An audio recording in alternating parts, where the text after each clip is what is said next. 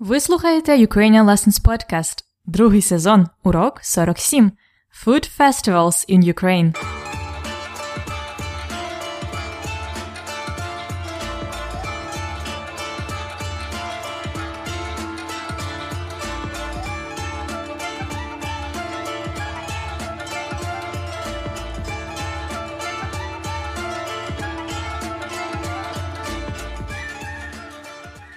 Привіт! Це Анна. Як справи? У мене все чудово. Сьогодні останній епізод серпня. Літо закінчується. Зазвичай в Україну швидко приходить осінь. У вересні вже буде йти дощ, буде холодніше. Українські діти дуже не люблять вересень, тому що треба йти в школу. Всі українські діти починають школу в один день 1 вересня. У цей день у школах свято. Воно називається День знань. У школах грає музика, діти і вчителі одягнені у вишиванки. Це гарне свято, але учні трохи сумні, бо треба починати вчитися. А вам подобається вчитися? Я сподіваюсь, вам подобається вчити українську мову зі мною і подкастом. Сьогодні ми будемо вивчати більше про родовий відмінок, їжу і, звичайно, Україну. До роботи! In my intro I said приходить осінь. The autumn is coming. Осінь. And this is usually the sign for the kids that it's time to go to school again. That's why they're сумні said the first day of school in Ukraine is the same for everyone. It's called День знань, the day of knowledge. That's when there are concerts and music at school and children and teachers wear вишиванки, Ukrainian national embroidered shirts. Then I asked you if you like to study. Hopefully you're enjoying learning more Ukrainian with me and the podcast. Today we will learn more about родовий відмінок їжа і, звичайно, Україна. Genitive case, food and of course Ukraine. До роботи. Let's get to work. As always, before listening to the dialogue, we will learn some words that might be new for you. Of course, we're not going to learn all the challenging words because you don't have to get 100% of words to understand the message. Добре? Don't forget about that when you're learning. Today we will be talking about festivali, festivals. Festival, festivali. In fact, this will be all food festivals, which in Ukraine we call gastronomiczni festiwali. Gastronomiczni festiwali. These are the events when you can taste the food or drinks. You can degustувати. It's to try, to taste food or drinks. Наприклад, можна дегустувати вино to wine taste. Дегустувати вино. Дегустувати каву. To taste coffee. Дегустувати сир. To taste cheese. During the wine tasting festival, you can usually buy some bottles of wine. Пляшка is a bottle, so пляшки bottles. Пляшки пляшка вина, a bottle of wine. And remember that the wine can be червоне вино, red wine, червоне вино і біле вино, white wine, біле вино. Let's stop for now and listen to the dialogue. Галя і Тарас saw each other in the coffee shop. They are talking about some experience of Taras in the past and a future plan of Галя. Слухайте і дайте відповідь на два запитання. Де був Тарас? Був is a past tense. І де буде Галя? Буде is a future tense. So, де був Тарас? Де буде Галя? Слухайте і дізнайтеся. Перший раз. Привіт, Тарасе. Привіт. Що нового? Нічого особливого. А у тебе? Я саме повернувся з Ужгорода. Ого, що там було цікавого? Минулої суботи там був фестиваль сиру і вина. Було дуже весело. На Закарпатті роблять так багато вина. Я купив три пляшки червоного і дві білого.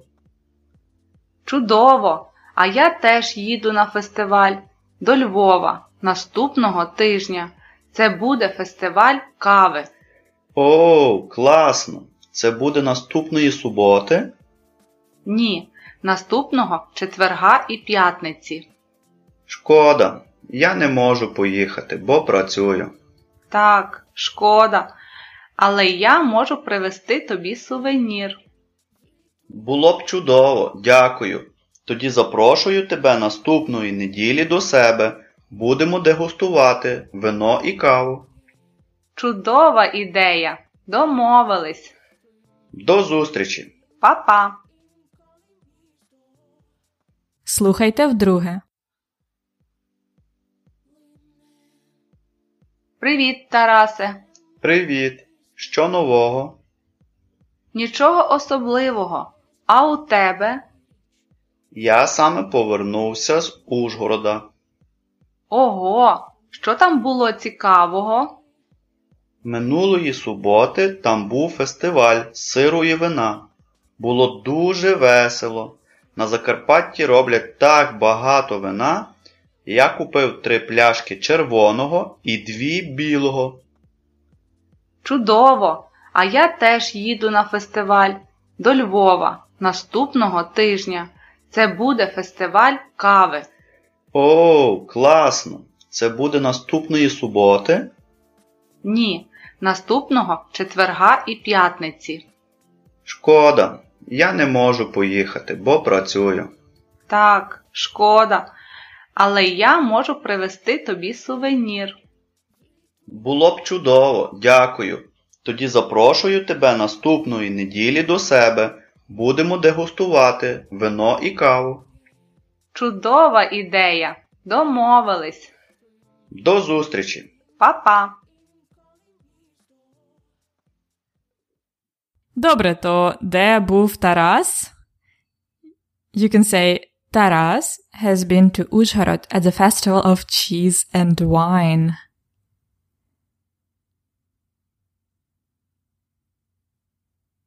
Тарас був в Ужгороді на фестивалі сиру і вина. Pay attention that we use the locative case in в Ужгороді і на фестивалі because these are locations. But for Ужгород we use the preposition в. We use it always for the cities and countries, but for the festival we use the preposition на because the festival is a location but it's also an event. So we prefer to use the preposition на for events. Добре? Ще раз. Тарас був в Ужгороді на фестивалі сиру і вина. А де буде Галя?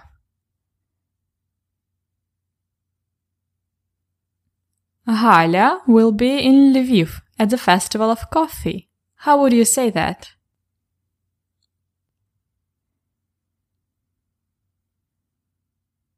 Галя буде у Львові на фестивалі кави. Again, у Львові на фестивалі. Don't worry if you cannot get all the forms right in your answers. Ukrainians still understand you if you don't put the endings right. However, we all want to be perfect, right? So let's dig into the case which was very much used in the today's dialogue. The genitive case. Родовий відмінок. Last time we've learned that родовий відмінок is used to 1. Express the possession. У мене є, у Марини є. 2. To express the negation. Немає молока. Немає домашнього сиру. What are the endings of the genitive? Які закінчення родового відмінка? Чоловічий рід. А, я, у, ю. А, я for more concrete, ю for more abstract. Жіночий рід. И, і, ї. А середній рід? А, я. What about the adjectives? For example, let's take великий. Чоловічий рід. Великого будинку. Ого. Жіночий рід. Великої річки. Ої. Середній рід.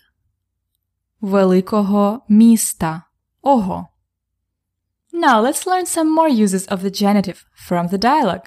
Do you remember the answers to the question I asked you? I asked, де був Тарас? Тарас був в Ужгороді на фестивалі сиру і вина.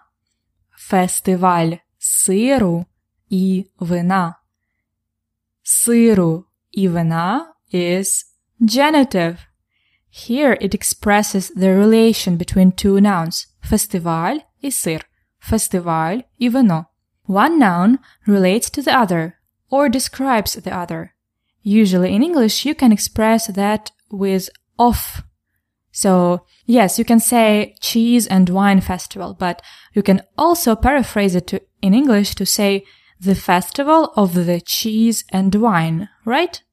So, whenever you can have that of between the nouns in English, it's a genitive case in Ukrainian. We don't use of as a preposition. We use the ending for the genitive case. So, фестиваль сиру і вина. Festival of cheese, сиру і вина, of wine. Or фестиваль кави, фестиваль їжі. Some other examples. Це книжка моєї подруги. This is a book of my friend, моєї подруги. Genitive. Це урок української мови. This is a lesson of Ukrainian language української мови. Добре? This is probably the most common use of the genitive case використання родового відмінка again genitive. Another use. Let's listen to the beginning of the dialogue. Що нового? Нічого особливого. А у тебе? Я саме повернувся з Ужгорода. Я саме повернувся з Ужгорода. I have just come back from Ужгород. From plus a place is in the genitive. З Ужгорода, з Києва, з України. We usually say it really fast, especially when the noun starts with a vowel. It's like one word. We hear just one word. It's like з Ужгорода, з України. Повторіть. З Ужгорода. З України.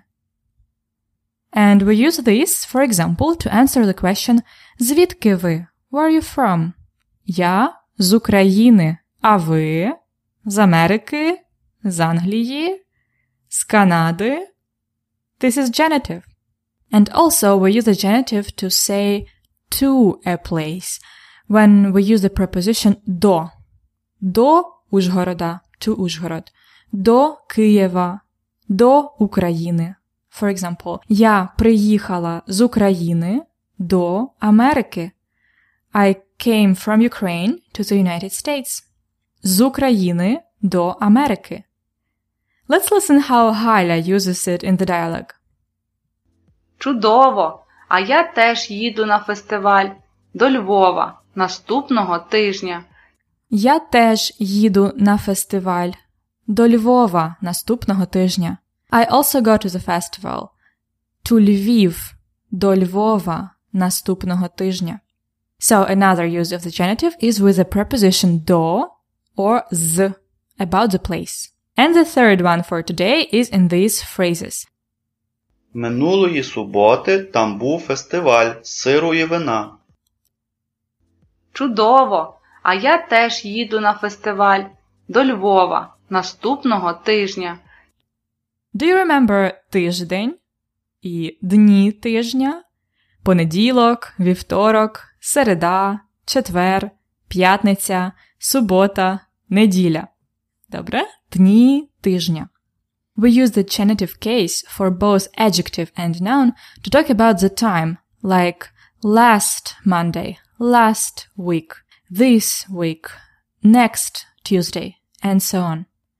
Let's learn it So last is минулий. To say last week, use the genitive минулого тижня. Минулої п'ятниці is last Friday. This is цей. To say this month, use цього in genitive. Цього місяця. This month. Цього року. This year. And next is наступний. And again we use a genitive to talk about the time. Just listen. Це буде наступної суботи. Ні. Наступного четверга і п'ятниці. Is it going to be next Saturday? Наступної суботи? Ні, наступного четверга і п'ятниці. And at last Taras says, Тоді запрошую тебе наступної неділі до себе. I invite you, запрошую тебе наступної неділі до себе to my place. I invite you to my place next Sunday наступної неділі. Ми будемо дегустувати вино і каву. Це гарний план. That's a nice plan, right? And us, let's listen to the conversation again. Слухайте розмову ще раз. Привіт, Тарасе. Привіт! Що нового? Нічого особливого. А у тебе? Я саме повернувся з Ужгорода. Ого, що там було цікавого? Минулої суботи там був фестиваль сиру і вина. Було дуже весело. На Закарпатті роблять так багато вина. Я купив три пляшки червоного і дві білого. Чудово! А я теж їду на фестиваль до Львова наступного тижня. Це буде фестиваль кави. О, класно! Це буде наступної суботи. Ні, наступного четверга і п'ятниці. Шкода, я не можу поїхати, бо працюю. Так, шкода. Але я можу привезти тобі сувенір. Було б чудово, дякую. Тоді запрошую тебе наступної неділі до себе. Будемо дегустувати вино і каву. Чудова ідея. Домовились. До зустрічі! Па-па.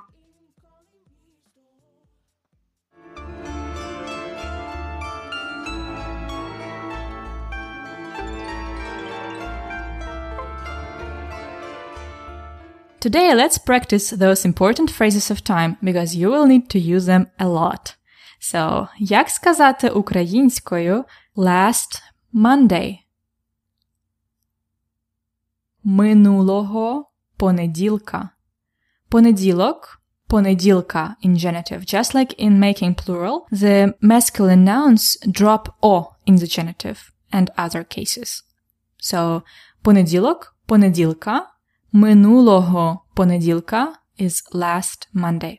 Як сказати українською this Tuesday? Цього вівторка.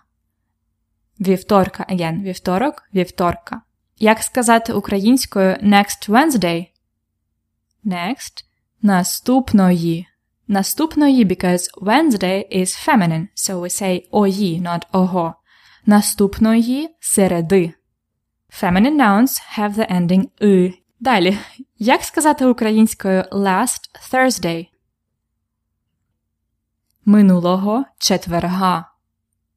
Як сказати українською this Friday? Цієї п'ятниці. That's a tricky one. Цієї п'ятниці.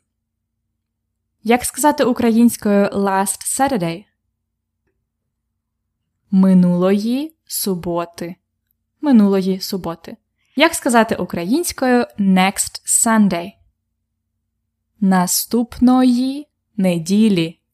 Feminine again. Наступної неділі. Чудово! Remember that you can always practice more with the exercises and charts in the lesson notes. And on our Facebook group for the premium members. Learn how to subscribe to premium at ukrainianlessons.com slash episode 47.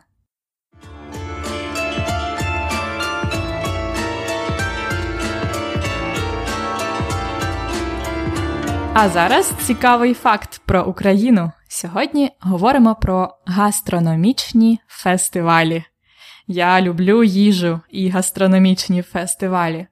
I have been to фестиваль сиру і вина в Ужгороді, mentioned in the dialogue, long time ago though. Each year the food festivals in Ukraine can be different, but let me tell you about some I found on the internet. First one is again Festival Deruniv. I have already talked about this one on the podcast, but I won't stop promoting deruny. It's my favorite Ukrainian food. deruny це potato pancakes. And they have the whole festival дерунів у місті Коростень, це Житомирська область. It happens in September when the potatoes are the freshest and the tastiest. У Києві є багато гастрономічних фестивалів. You should check those before you arrive to Kyiv because they can be not regular. One of the most popular ones is Фестиваль вуличної їжі, Street Food Festival. It's happening every month and it's located in the old factory transformed to the art space. There are also some interesting festivals that I found uh, for you, but I haven't been there before. For example, Хліб своїми руками, bread by your own hands. It's about making bread, uh, Ukrainian way. It's happening in the village Obirki в Чернігівській області. Another one is uh, maybe interesting for you because it's a фестиваль національної кухні, the National Cuisine Festival. It's happening у Луцьку у вересні in September in Луцьк. And of course, there is Festival Борщу. It is in the town called by Борщ, actually, the town Борщів в Тернопільській області. I'm going to leave the links to all those festivals on the blog at ukrainianlessons.com slash episode 47. And don't forget to tell there in the comments about the food festivals you've been to in Ukraine. Смачного!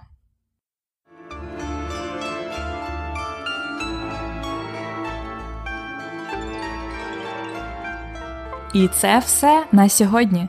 Наступного тижня ми будемо вчити родовий відмінок і говорити більше про їжу. And if you would like to get more from the Ukrainian Lessons podcast and support what we do, become a premium member and enjoy the lesson notes, flashcards, and our private discussion group. To find out more, go to ukrainianlessons.com slash episode 47 ukrainianlessons.com slash episode 47. До наступного уроку. До наступної середи. До побачення!